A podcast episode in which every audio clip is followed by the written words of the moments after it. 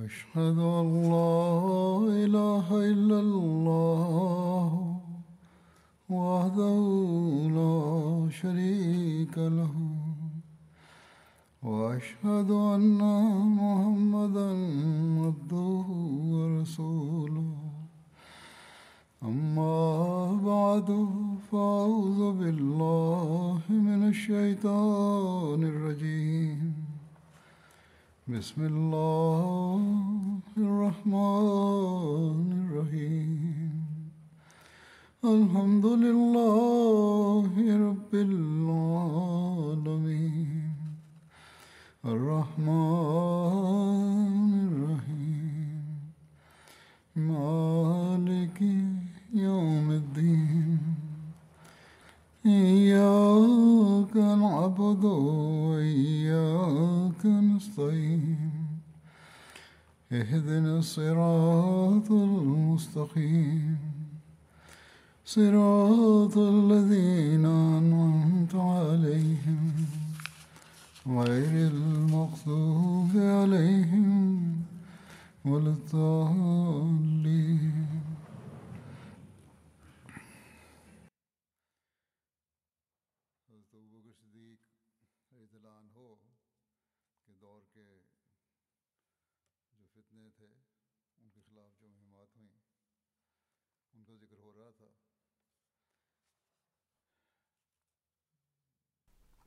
لا يزال الحديث جاريا عن الفتن والمهمات الحربية في عهد خلافة سيدنا أبي بكر رضي الله عنه.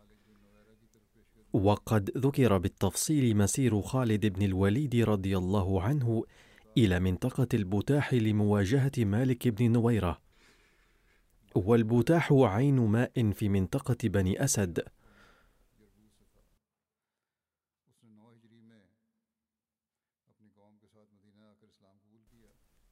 كان مالك بن نويرة من بني يربوع من بني تميم، وجاء مع قومه إلى المدينة، وأسلم في العام التاسع الهجري.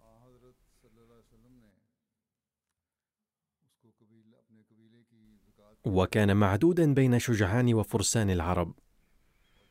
استعمله النبي صلى الله عليه وسلم على جمع صدقات قومه، أي كان يتولى منصب جاب أموال الزكاة. لكن لما توفي النبي صلى الله عليه وسلم واكتسحت موجة الارتداد والتمرد العرب ارتد مالك بن نويرة أيضا.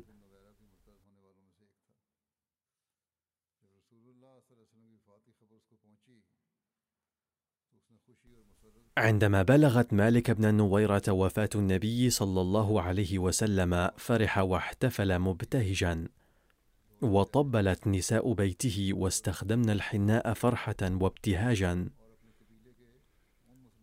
وقتلوا من كان بينهم من المسلمين الذين كانوا يرون الزكاة فرضا ولا بد من إيصال أموالها إلى مركز المسلمين أي المدينة.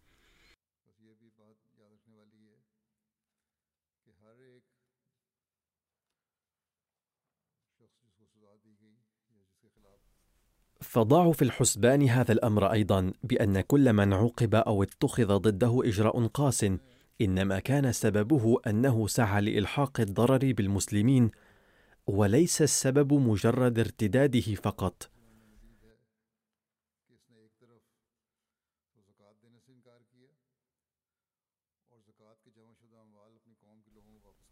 وقد ورد أيضا أن مالك بن نويرة رفض اولا أداء الزكاة.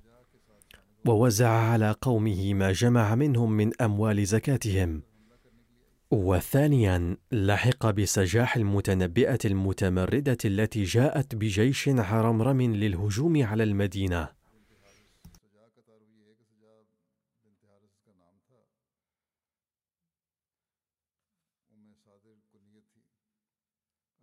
فكانت سجاح تريد شن الحملة على المدينة. واسمها الكامل هو سجاح بنت حارث وكنيتها أم صادر.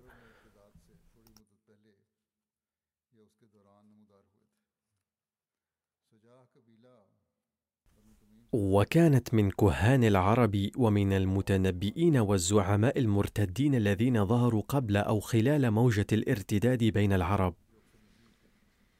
كانت سجاح من بني تميم. ويبلغ نسبها من قبل أمها إلى بني تغلب الذين كان أكثرهم من النصارى. وكانت سجاح أيضا نصرانية. وكانت تعد من علماء النصارى في قبيلتها وعائلتها. جاءت من العراق مع أتباعها بنية الهجوم على المدينة.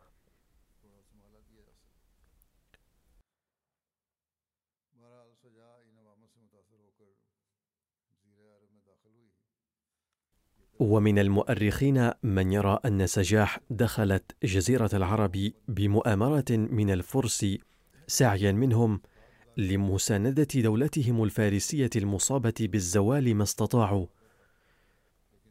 على كل حال دخلت سجاح جزيرة العرب بتأثير مثل هذه الدوافع.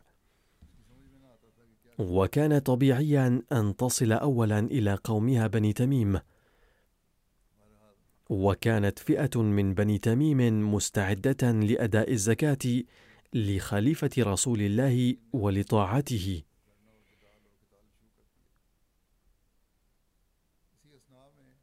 بينما كانت فيهم فئة أخرى تعارض هذا الرأي وكانت فئة ثالثة في حيرة من أمرها. لا تدري ماذا تفعل. وقد اشتد هذا الخلاف بينهم حتى بدأوا الجدال والقتال فيما بينهم. وبينما هم في ذلك إذا سمعوا بقدوم سجاح إليهم وأنها تنوي الوصول إلى المدينة والهجوم على جنود أبي بكر. فاشتد الخلاف بين بني تميم أكثر.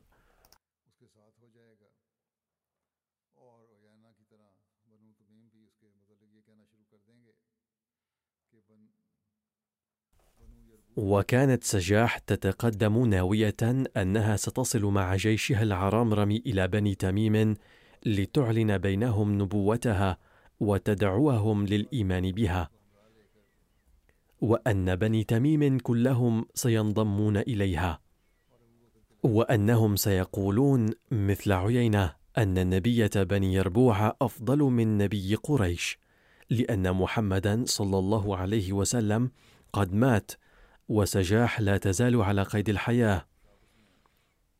ثم بعد ذلك ستسير ببني تميم إلى المدينة لتقاتل جنود أبي بكر وتتغلب عليهم وتستولي على المدينة. هذه كانت خطة سجاح.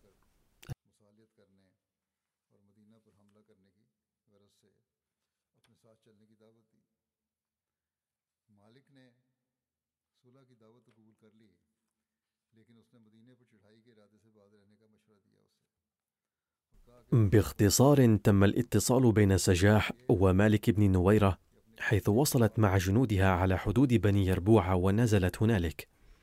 وأرسلت إلى زعيمهم مالك بن نويرة ودعته إلى الموادعة والمسير لغزو المدينة. فأجابها مالك إلى الموادعة لكنه صرفها عن عزمها على الهجوم على المدينة وقال لها الأفضل لك من الوصول إلى المدينة والاشتباك مع جنود أبي بكر أن تقضي اولا على من خالفك من قبيلتك. فأعجبها قوله وقالت فشأنك بما رأيت فإنما أنا امرأة من بني تميم. ثم دعت سجاح زعماء بني تميم الآخرين إلى الموادعة فلم يقبل دعوتها منهم إلا وكيع. فشنت مع مالك ووكيع وجنودها الهجوم على الزعماء الآخرين من بني تميم واشتد القتال وقتل فيه الكثير من الفريقين. وأسر بعضهم بعضا وهم من قبيلة واحدة.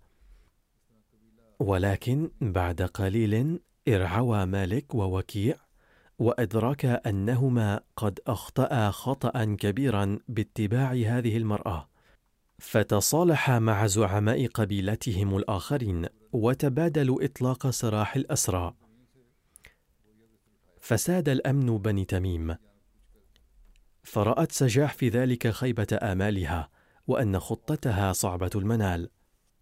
فأخذت أسبابها وسارت من بني تميم إلى المدينة.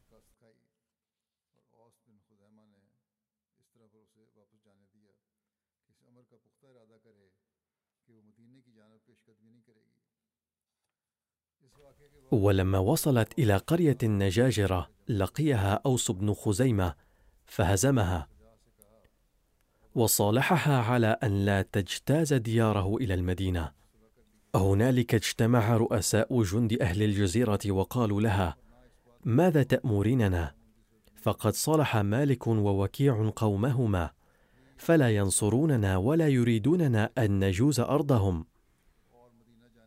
وقد عهدنا هؤلاء القوم. لقد صار طريقنا إلى المدينة مسدودا. قالت إذا صار طريقنا إلى المدينة مسدودا فلا تقلقوا لنذهب إلى اليمامة.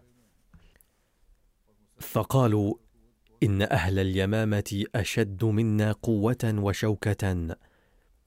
وقد غلظ أمر مسيلمة.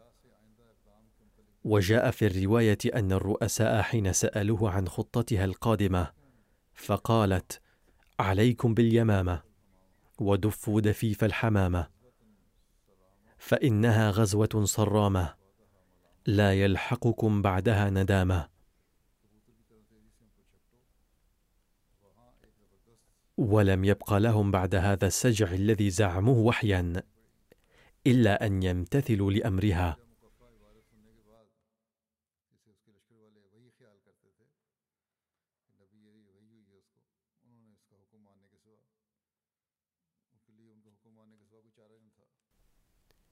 إن سجاح لما بلغت اليمامة في رجالها هابها مسيلمة وخاف إن هو شغل بها أن يغلبه جند المسلمين أو تغلبه القبائل التي حوله. فأهدى لها ثم أرسل إليها يستأمنها على نفسه حتى يجيء إليها وأذنت له فجاء في أربعين من بني حنيفة ثم خلا إليها يحدثها وسجع لها سجعا عجبها فردت عليه بمثل سجعه.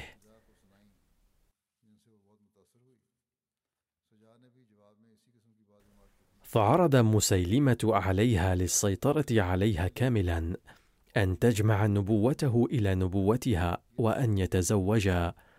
فقبلت طلبه وانتقلت إلى خيامه وأقامت معه ثلاثة أيام. رجعت بعدها إلى قومها.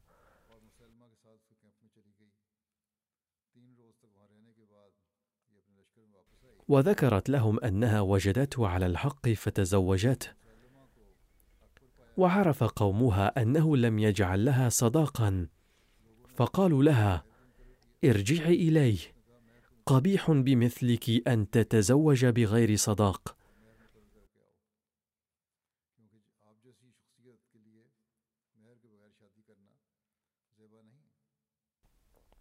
فلما رجعت إليه وأخبرته بطلبها فنزل مسيلمة للناس صلاتين صلاة العشاء وصلاة الفجر إكراما لها. وانتهى الأمر به وبها على أن يحمل لها النصف من غلات اليمامة. فطلبت أن يدفع لها نصف غلات العام القادم اولا.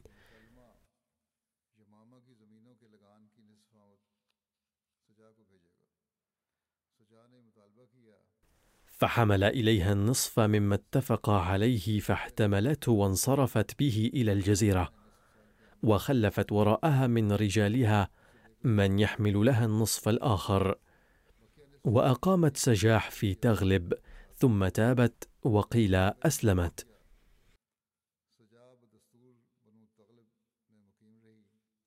وعند البعض أسلمت في عهد عمر رضي الله عنه حتى نقلهم معاوية عام المجاعة إلى بني تميم.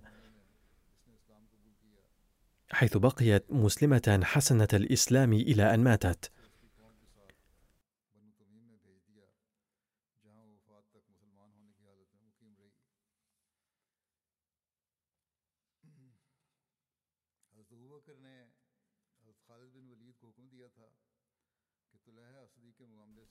عقد أبو بكر رضي الله عنه لخالد بن الوليد وأمره بطليحة بن خويلد. فإذا فرغ صار إلى مالك بن نويرة بالبطاح إن أقام له.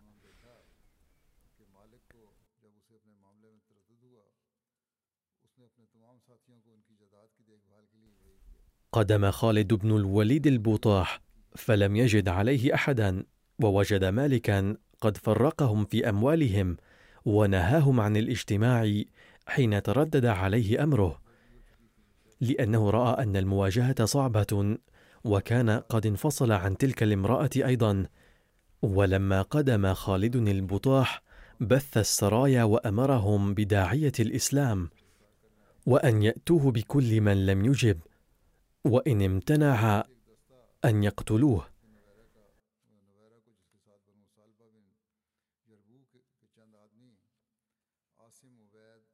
فجاءته الخيل بمالك بن نويرة في نفر معه من بني ثعلبة بن يربوع من عاصم وعبيد وعرين وجعفر فاختلفت السرية فيهم.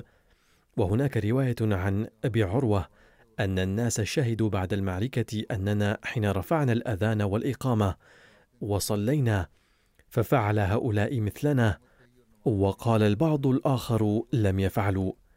وفيهم أبو قتادة فكان في من شهد أنهم قد أذنوا وأقاموا وصلوا فلما اختلفوا فيهم أمر بهم فحبسوا. هناك روايتان عن مالك بن نويرة. أولها أن مالك بن نويرة قتل. ورد في الرواية أنهم حبسوا في ليلة باردة لا يقوم لها شيء. وجعلت تزداد بردا. فأمر خالد مناديا فنادى أدفئوا أسراكم. وكانت في لغة كنانة دفئوه قتله. فظن القوم وهي في لغتهم القتل أنه أراد القتل فقتلوهم. فقتل ضرار بن الأزور مالكا. وفي رواية أخرى قتله عبد الأزور الأسدي. ولكن قال الكلبي قتله ضرار وسمع خالد الواعية فخرج وقد فرغوا منهم فقال إذا أراد الله امرا أصابه.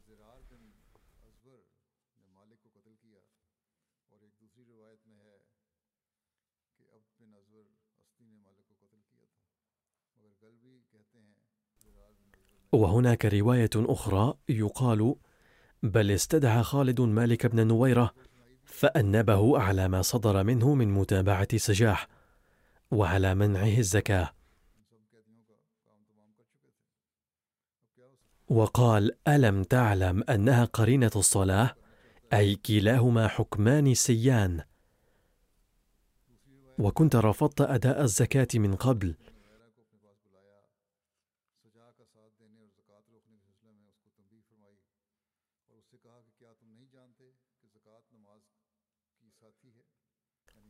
فقال مالك إن صاحبكم كان يزعم ذلك أي بدلا من أن يقول رسول الله قال صاحبكم. فقال خالد هو صاحبنا وليس بصاحبك؟ ثم قال يا ضرار اضرب عنقه. فضربت عنقه. هذه رواية عن قتله.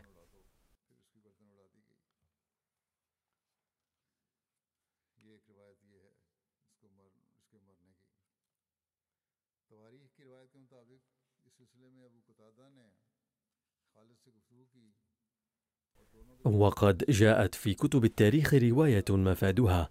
تكلم أبو قتادة مع خالد فيما صنع وتقاول في ذلك. حتى ذهب أبو قتادة تاركا الجيش.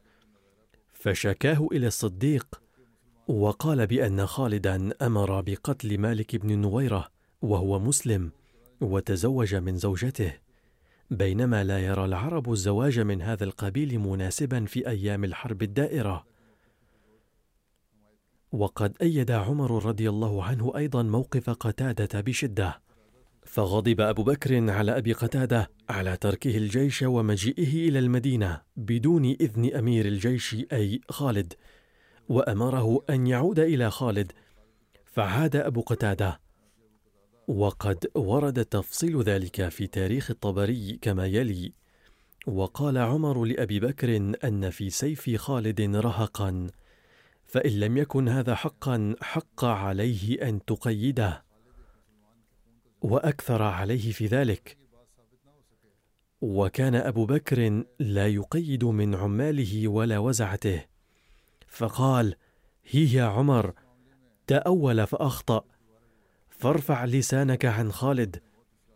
وودى مالكا وكتب إلى خالد أن يقدم عليه ففعل. فأخبره خبره واعتذر إليه فعذره أبو بكر وقبل منه.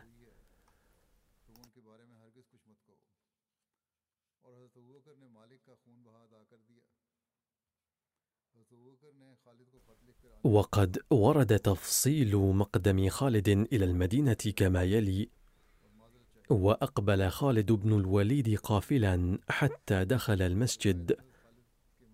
فلما أن دخل المسجد قام إليه عمر قال أرئاء قتلت امرا مسلما ثم نزوت على امرأته. والله لأرجمنك بأحجارك. ولا يكلمه خالد بن الوليد ولا يظن إلا أن رأي أبي بكر على مثل رأي عمر فيه. حتى دخل على أبي بكر فلما أن دخل عليه أخبره الخبر واعتذر إليه فعذره أبو بكر وتجاوز عنه ما كان في حربه تلك. فخرج خالد حين رضي عنه أبو بكر وعمر جالس في المسجد فقال هلم إلي يا ابن أم شملة؟ فعرف عمر أن أبا بكر قد رضي عنه فلم يكلمه ودخل بيته.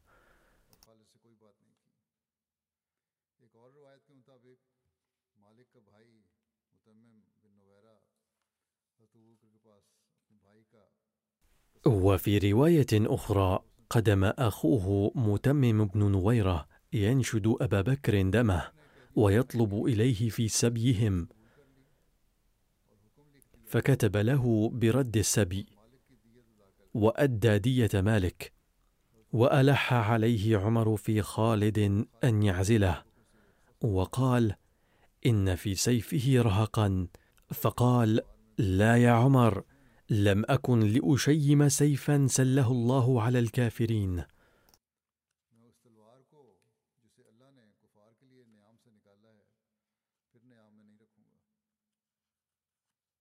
إذا لما أدى أبو بكر الدية فقال تحقق مقتضى العدل بحسب الشريعة ولم تبقى هناك حاجة إلى اتخاذ إجراءات أخرى. فأمر أبو بكر رضي الله عنه بإغلاق القضية.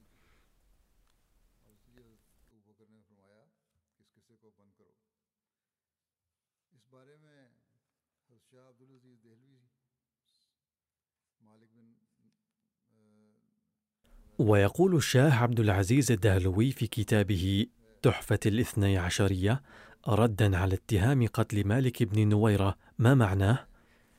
الحق أن الناس لم يفسروا ذلك الحادث تفسيرا صحيحا وإن عدم أهمية الاعتراض واضح ما لم تكن الوقائع معروفة على وجه صحيح وإن تفسير هذا الحادث كما ورد في كتب السيرة والتاريخ الموثوق بها هو أنه عندما فرغ خالد من مقاومة المتنبي طليحة بن خويلد الأسدي وتوجه إلى نواحي بطاح أرسل كتائب عسكرية إلى الأطراف والجوانب وأمرهم اتباعا لأوامر رسول الله صلى الله عليه وسلم أنه كلما أردت غزو قوم أو قبيلة فإذا سمعت منهم الأذان فلا تسفك دماءهم.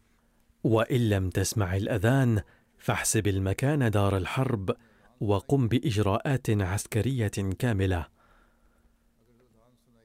وشاءت الصدف أن أبا قتادة الأنصاري أيضا كان في تلك الكتيبة وكان قد أمسك مالك بن نويرة وجاء به إلى خالد الذي كان النبي صلى الله عليه وسلم قد أمره على بطاح.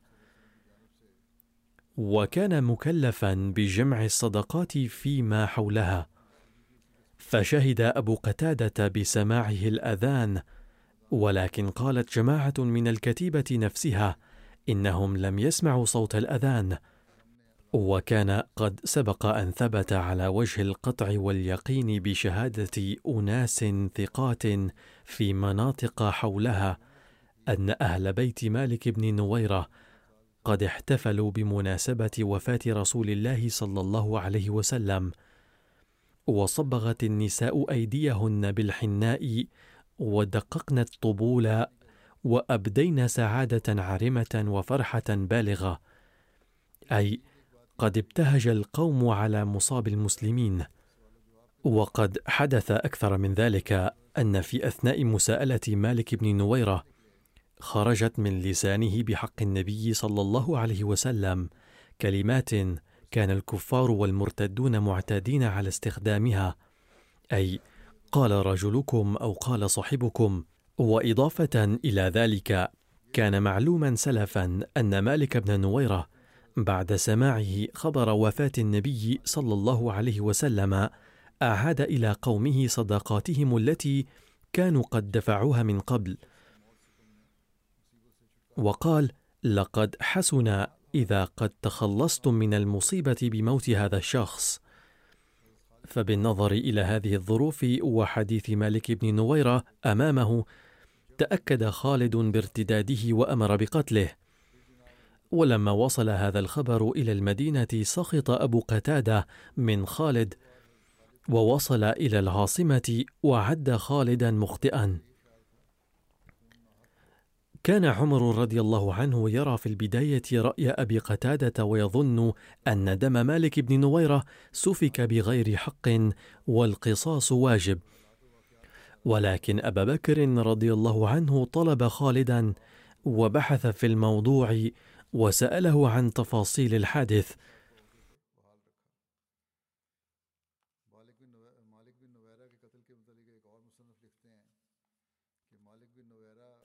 فلما انكشفت على أبي بكر رضي الله عنه جميع الأحوال والأحداث الواقعة عد خالدا بريئا ولم يعاتب عليه وأبقاه في منصبه. يقول مؤلف آخر عن قتل مالك بن نويرة اختلفت الآراء في مقتل مالك بن نويرة اختلافا كثيرا. أقتل مظلوما أم مستحقا؟ إن الذي أردى مالكا كبره وتردده. فقد بقي للجاهلية في نفسه نصيب وإلا لما ماطل هذه المماطلة في التبعية للقائم بأمر الإسلام بعد رسول الله صلى الله عليه وسلم وفي تأدية حق بيت مال المسلمين عليه المتمثل بالزكاة وفي تصوري أن الرجل كان يحرص على زعامته. ويناكف في الوقت نفسه بعض أقربائه من زعماء بني تميم الذين وضعوا عصا الطاعة للدولة الإسلامية وأدوا ما عليهم لها من واجبات. ولقد كانت أفعاله وأقواله على السواء تؤيد هذا التصور في ارتداده. ووقوفه بجانب سجاح وتفريقه إبل الصدقة على قومه. بل ومنعهم من أدائها لأبي بكر وعدم إصغائه لنصائح أقربائه المسلمين في تمرده. كل ذلك يدينه ويجعل منه رجلا أقرب إلى الكفر منه إلى الإسلام. ولو لم يكن مما يحتج به على مالك إلا منعه للزكاة لكفى ذلك مسوغا لإدانته وهذا المنع مؤكد عند الأقدمين. فقد جاء في طبقات فحول الشعراء لابن سلام قوله والمجمع عليه أن خالدا حاوره وراده وإن مالكا سمح بالصلاة والتوى بالزكاة.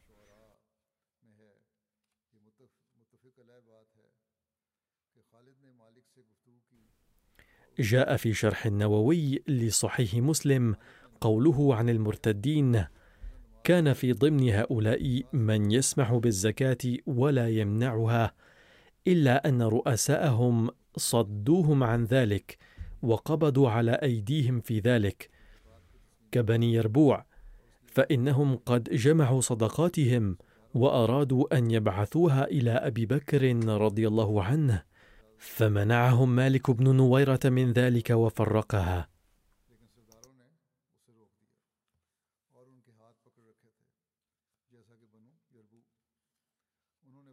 وقد قام أبو بكر الصديق بالتحقيق في مقتل ابن نويرة وانتهى إلى براءة ساحة خالد من تهمة قتل مالك بن نويرة.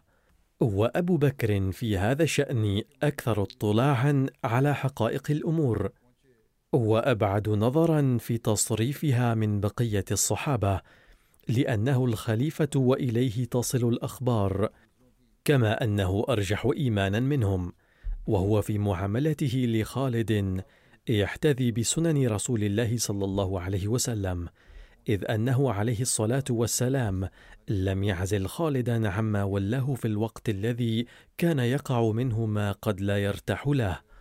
وكان يعذره إذ يعتذر ويقول لا تؤذوا خالدا فإنه سيف من سيوف الله صبه الله على الكفار. ثم هناك اعتراض آخر يرد بهذا الخصوص وهو زواج خالد من أم تميم بنت المنهال. لقد اعترض على خالد بن الوليد أنه تزوج أم تميم ابنة المنهال أثناء الحرب دون أن ينتظر انقضاء عدتها.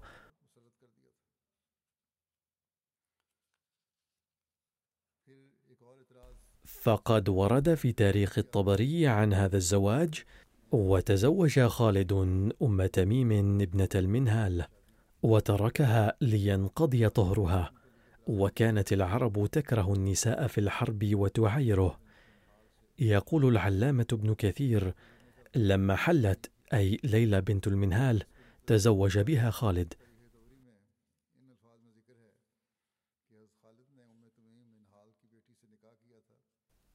ويقول العلامة ابن خليكان لقد قضت أم تميم عدتها ثلاثة أشهر ثم أرسل لها خالد أنه يريد الزواج منها فقبلت. ويقول الشاه عبد العزيز الدهلوي ردا على هذا الاعتراض. الحقيقة أن هذه القصة مفبركة لأنه ليست لها رواية في أي مصدر من المصادر الموثوق بها. فإن وجدت روايه لها في المصادر غير الموثوق بها. فقد ورد في الروايات نفسها أن مالك بن نويرة كان قد طلق هذه المرأة منذ مدة.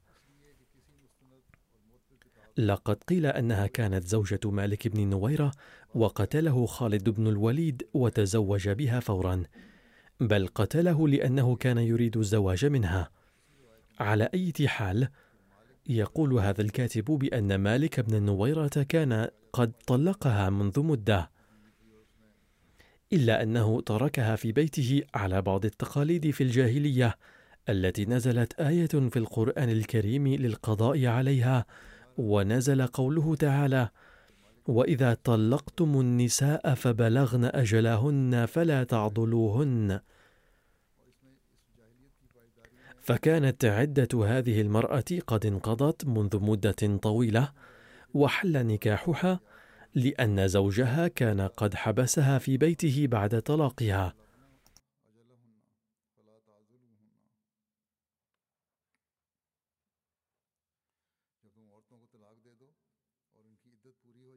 يقول مؤلف آخر عن هذا الزواج لخالد هي أم تميم ليلى بنت سنان المنهال. زوج مالك بن نويرة. وهذا الزواج حدث حوله جدل كثير وملخصه أن هناك من اتهم خالدا بأنه تزوج أم تميم فور وقوعها في يده لعدم صبره على جمالها ولهواه السابق فيها. وبذلك يكون زواجه منها حاشا لله سفاحا. فهذا القول مستحدث وباطل لا يعتد به إذ خلت المصادر القديمة عن الإشارة إليه ولا إثبات له.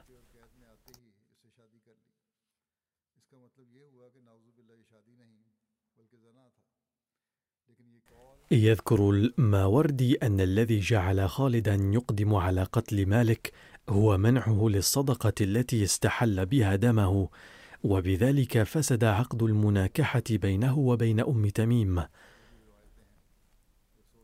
وحكم نساء المرتدين إذا لحقن بدار الحرب أن يسبين ولا يقتلن.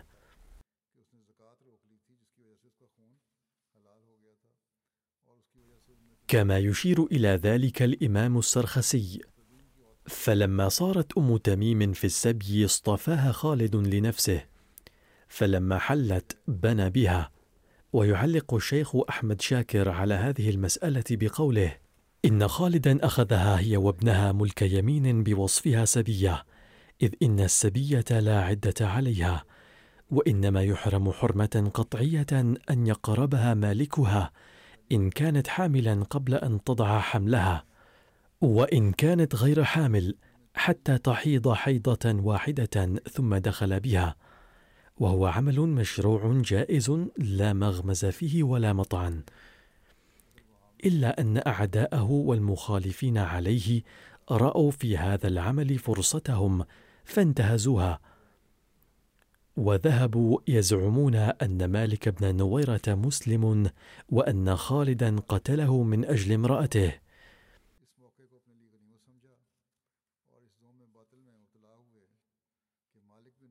وقد اتهم خالد بأنه في زواجه هذا خالف تقاليد العرب فقد قال العقاد قتل خالد مالك بن نويرة وبنى بامرأته في ميدان القتال على غير ما تألفه العرب في الجاهلية والإسلام وعلى غير ما يألفه المسلمون وتأمر به الشريعة فهذا القول بعيد عن الصحة فقد كان يحصل كثيرا في حياة العرب قبل الإسلام إثر حروبهم وانتصاراتهم على أعدائهم أن يتزوجوا من السبايا وكانوا يفخرون بذلك.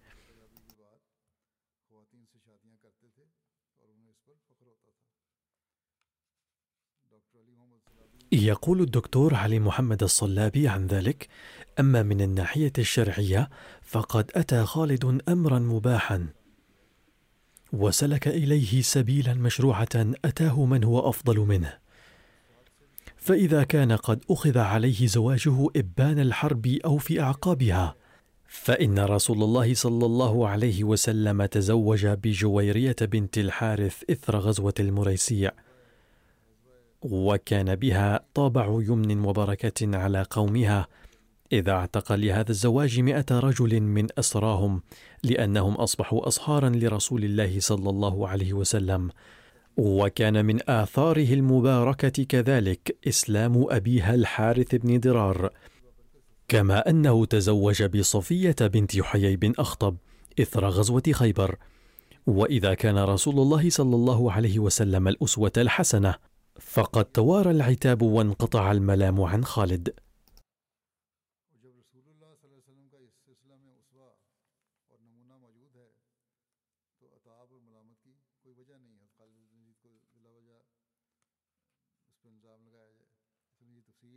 لقد بينت كل هذا التفصيل لأن بعض قليل العلم اليوم أيضا يثيرون السؤال ويعترضون على سيدنا أبي بكر رضي الله عنه قائلين إن موقف سيدنا عمر كان صوابا أما أبو بكر رضي الله عنه فلم يعدل والعياذ بالله بحيث أيد موقف خالد باطلا.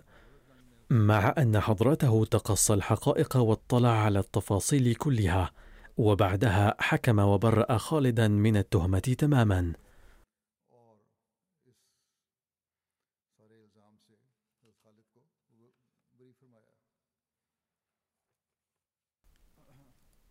وعن انطلاق سيدنا خالد رضي الله عنه إلى اليمامة ورد أن سيدنا أبا بكر رضي الله عنه كان قد أمر خالدا إذا فرغ من أسد وغطفان ومالك أن يقصد اليمامة وأكد عليه في ذلك.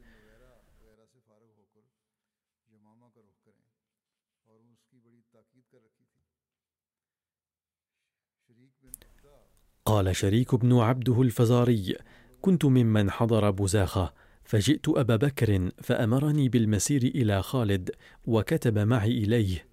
أما بعد فقد جاءني في كتابك مع رسولك تذكر ما أظفرك الله بأهل بزاخه وما فعلت بأسد وغطفان وأنك سائر إلى اليمامة وذلك عهدي إليك. فاتق الله وحده لا شريك له وعليك بالرفق بمن معك من المسلمين. كن لهم كالوالد وإياك يا خالد بن الوليد ونخوة بني المغيرة. فإني قد عصيت فيك من لم أعصه في شيء قط. فانظر إلى بني حنيفة إذا لقيتهم إن شاء الله. فإنك لم تلق إلى الآن قوما يشبهون بني حنيفة. كلهم عليك ولهم بلاد واسعة. فإذا قدمت فباشر الأمر بنفسك.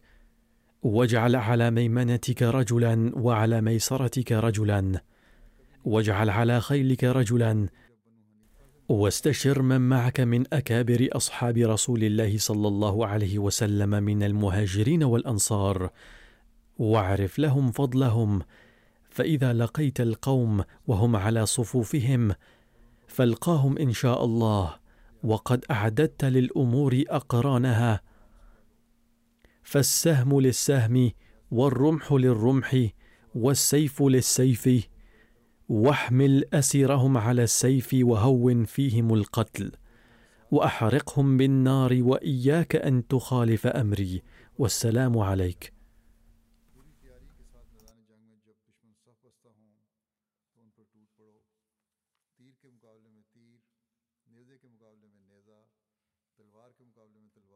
فلما انتهى الكتاب إلى خالد وقرأه قال سمعا وطاعة. ثم سار إلى قتال بني حنيفة الذين كان مسيلمة الكذاب يقودهم وعبع معه المسلمين وكان على الأنصار ثابت بن قيس بن شماس. فسار لا يمر بأحد من المرتدين إلا نكل به. وسير سيدنا أبو بكر رضي الله عنه جيشا كثيفا مجهزا بأحدث السلاح ليحمي ظهر خالد حتى لا يوقع به أحد من خلفه.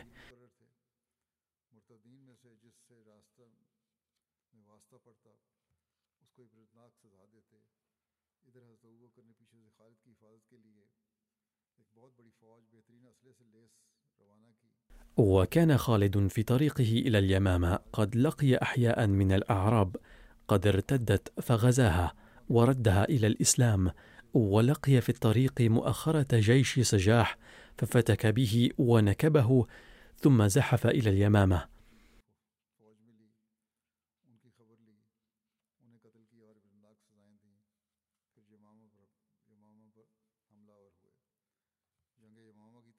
أما تفصيل معركة اليمامة فسوف أتناوله مستقبلا إن شاء الله.